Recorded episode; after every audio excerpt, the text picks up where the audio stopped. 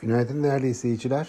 Haftanın son gününe gelmiş olduk. Son e, borsa e, işlem gününe gelmiş olduk. E, bu hafta genelde borsa yükseliş eğilimindeydi. Özellikle banka hisseleri hafta boyunca olma bir eğilim izlediler. Dün de banka sektör endeksi %5'e yakın bir artış kaydetti ve bu destekle BIST 100 endeksi de %2,5 artmış oldu. Böylece yeniden 5500 endeks seviyesinin eşiğine gelindi. E, bugüne dönük beklentilerde genelde iyimserlik hakim. Borsada yükselişin devam edebileceği, kısmen yabancı girişlerinin de olduğu ifade ediliyor. E, baktığımız zaman e, bankalar tarafındaki bu iyimserlikte gelecek hafta yapılan Merkez Bankası Para Politikası Kurul toplantısı öncesi beklentilerin hakim olduğunu söylemek mümkün.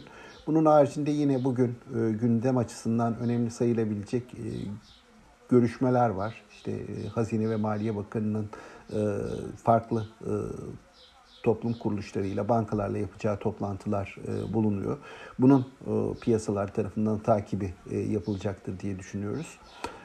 Ve borsada hani genel eğilimin yukarı yönlü olarak korunacağı yönünde de bir beklentimiz var.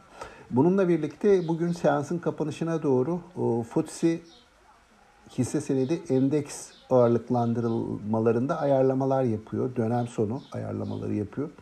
Dolayısıyla bu ayarlamalar nedeniyle e, bir miktar hareketlilik, fiyat oynaklığı artabilir kapanışa doğru. Bu konuda da hani bu şekilde bir beklentimiz bulunuyor. Sağlıklı, bol ve bereketli, kazançlı günler dilerim. Yeniden görüşmek üzere.